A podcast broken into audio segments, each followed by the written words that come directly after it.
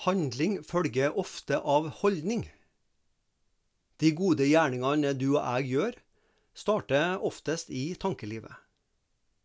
I hjertet, sentrum av vår identitet, skapes positive eller negative holdninger til andre mennesker.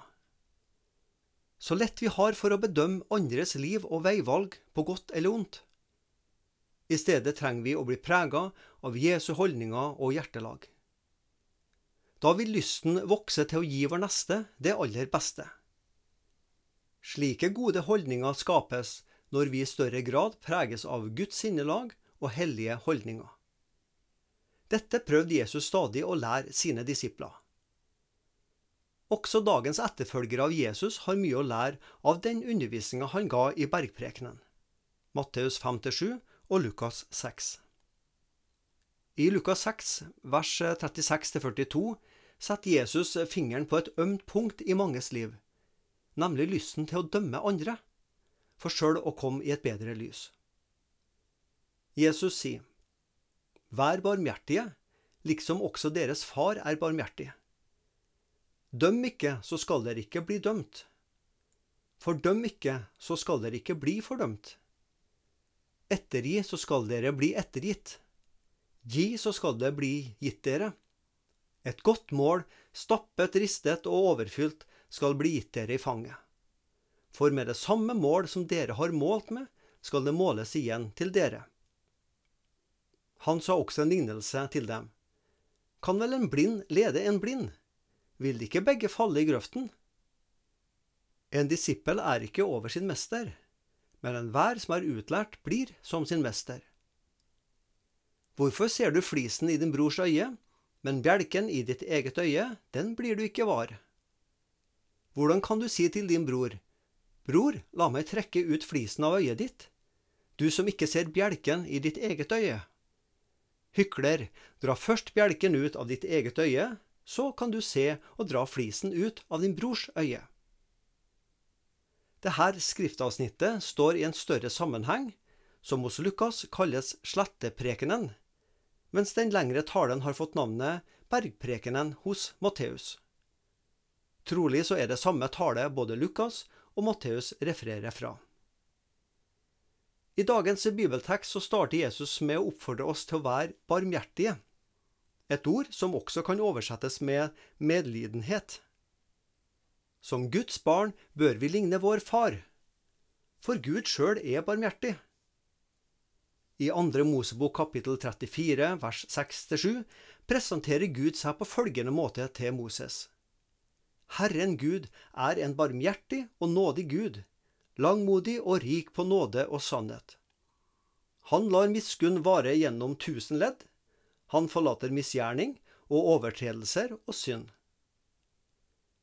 Ikke bare viser Gud oss barmhjertighet og nåde. Først og fremst er Han barmhjertig og nådig. Barmhjertighet er altså ikke en egenskap ved Gud. Nei, han er barmhjertig i sitt vesen. Og nettopp derfor skal vi som hans barn preges av samme barmhjertighet. Guds barn skal jo ligne sin far. Vår evne til å vise barmhjertighet vil bli synlig for andre ut fra de holdninger og handlingene vi viser og praktiserer.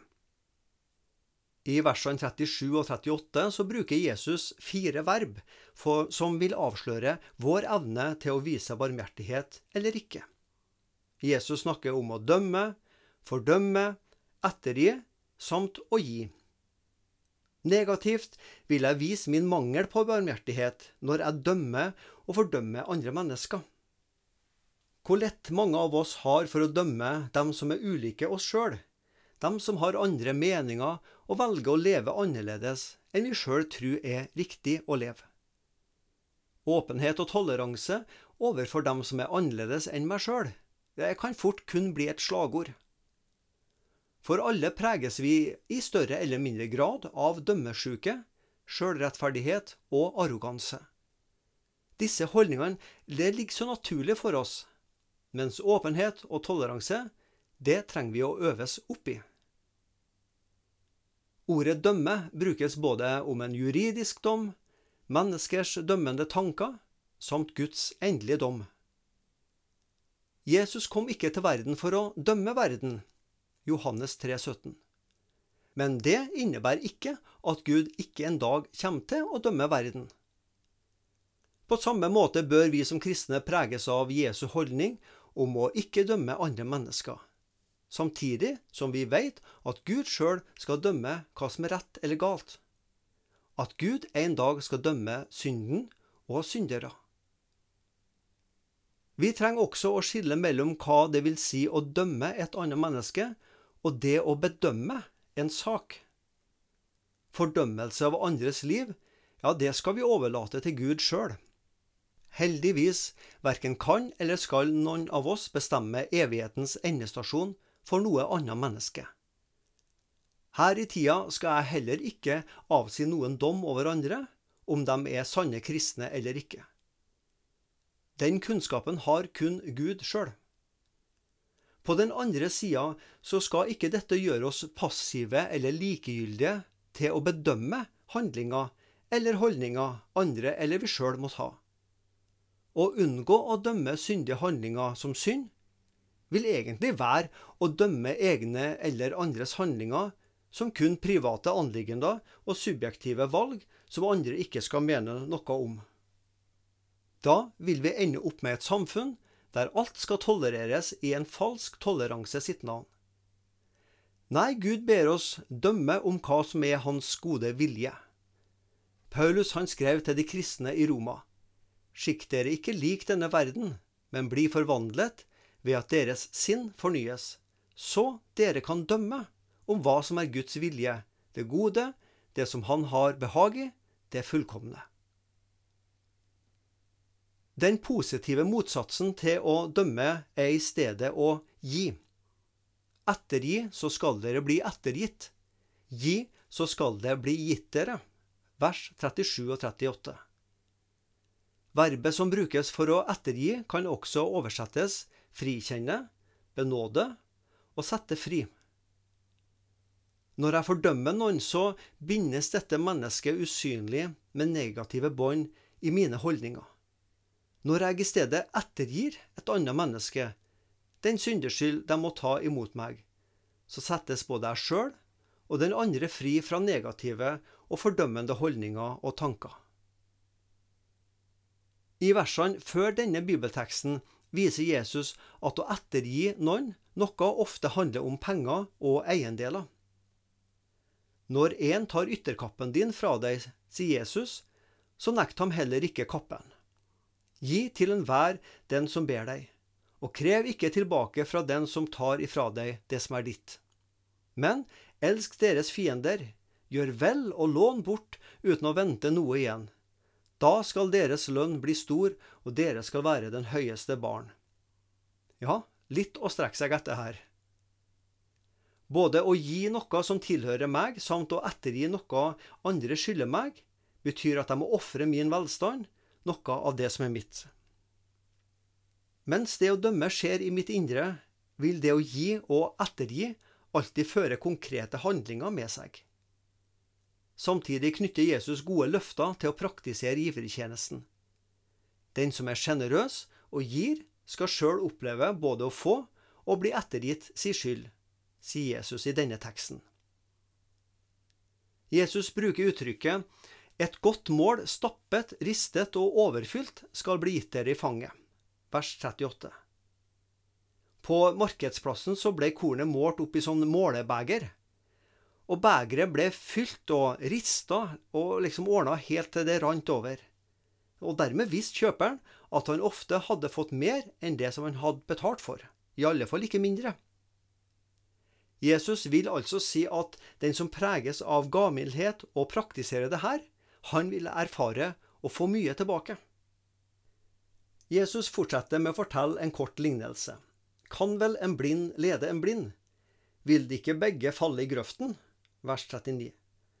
Og svaret er jo åpenbart ja, det vil de. Denne lignelsen forklarer seg sjøl, og vi ser det bokstavelig talt for oss. Når jeg preges av dømmesjuke, sjølrettferdighet eller arroganse, så vil både mitt åndelige syn og synet på andre menneskers integritet svekkes. Jeg ender til slutt opp som blind overfor Guds nåde og barmhjertighet. Jesus anklaga fariseerne for å være blinde veiledere. Matteus 15, vers 14. Her er det disiplene som står i samme fare. Et hjerte som preges av fordømmelse, vil fort sende meg i grøfta. Sjølrettferdigheten gjør meg blind overfor mine egne feil. Så fortsetter Jesus å minne oss om at en disippel er ikke over sin mester, men enhver som er utlært, blir som sin mester. Vers 40. Jesus sjøl ble misforstått, forfulgt og dømt av andre. Dermed må ikke hans etterfølgere forvente seg noen bedre behandling enn mesteren sjøl fikk. Dømte verden Jesus må vi ikke bli overraska om vi som kristne må oppleve hat og forfølgelse, om vi kjenner oss misforstått og urettmessig dømt for vår tro og vår bekjennelse. Når Jesus sier at en disippel kan bli utlært og bli som sin mester, så trenger vi å øve oss i å bedømme uten å fordømme, og lære oss å leve med misforståelse og fordømmelse fra dem som ikke liker den kristne trua. Helt til slutt i bibelteksten fra Lukas 6 møter vi det kjente bildet med flisen og bjelken i øyet. Også dette bildet er sjølforklarende. Ikke noe menneske går gjennom livet uten å gjøre synd og feil. Vi samler opp fliser som preger hvordan vi ser både på oss sjøl og ikke minst andre mennesker. Poenget med lignelsen er kontrasten som ligger i at jeg overser egne store feil når jeg påpeker andres mindre feil. Sjølrettferdigheten og blindheter for egne feil gjør at jeg blir enda strengere og mer fordømmende i møte med andres feil. Jeg synes jeg ser en bjelke i min brors øye, og jeg kan i ydmykhetens navn innrømme at jeg sjøl har noen fliser. Men så kan virkeligheten være at det forholder seg stikk motsatt. Jesus vil ikke med dette si at min neste ikke gjør feil. Men skal jeg være til hjelp for min neste, skal jeg ha rett til å påpeke feil hos min neste, ja, da må jeg først innse, innrømme og dømme mine egne synder. Jeg trenger først å bruke Guds lov på meg sjøl. I Johannes kapittel 8 så møter vi ei kvinne som er grepet i hor. For å være i bildet med flisen og bjelken. Alle så den svære bjelka hun hadde i øyet. Når Jesus så ber dem som mener dem ikke engang har en flis i øyet, kaste den første steinen, så står det at dem som skulle kaste steiner på henne, gikk bort. Jesu ord avslørte at de sjøl hadde noen fliser i øyet, noen syndige tanker de trengte å bekjenne.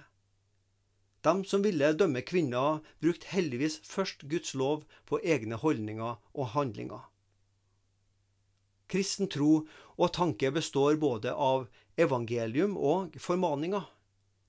Skriftavsnittet her i Lukas kapittel 6 inneholder først og fremst formaninger om å avstå fra dømmesjuke, sjølrettferdighet og arrogante holdninger overfor andre mennesker vi mener lever galt.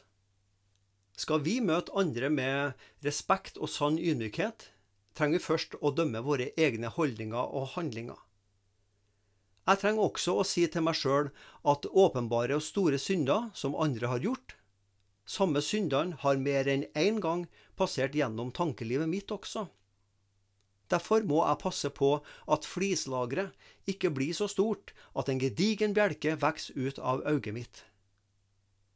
Evangeliet viser meg at Jesus fikk bære og måtte smake korsets bjelke for mine små, syndige fliser og mine større, store bjelker. Han bar fordømmelsen for våre synder, slik at han kunne ettergi oss vår skyld og gi oss del i håpet om himmelen.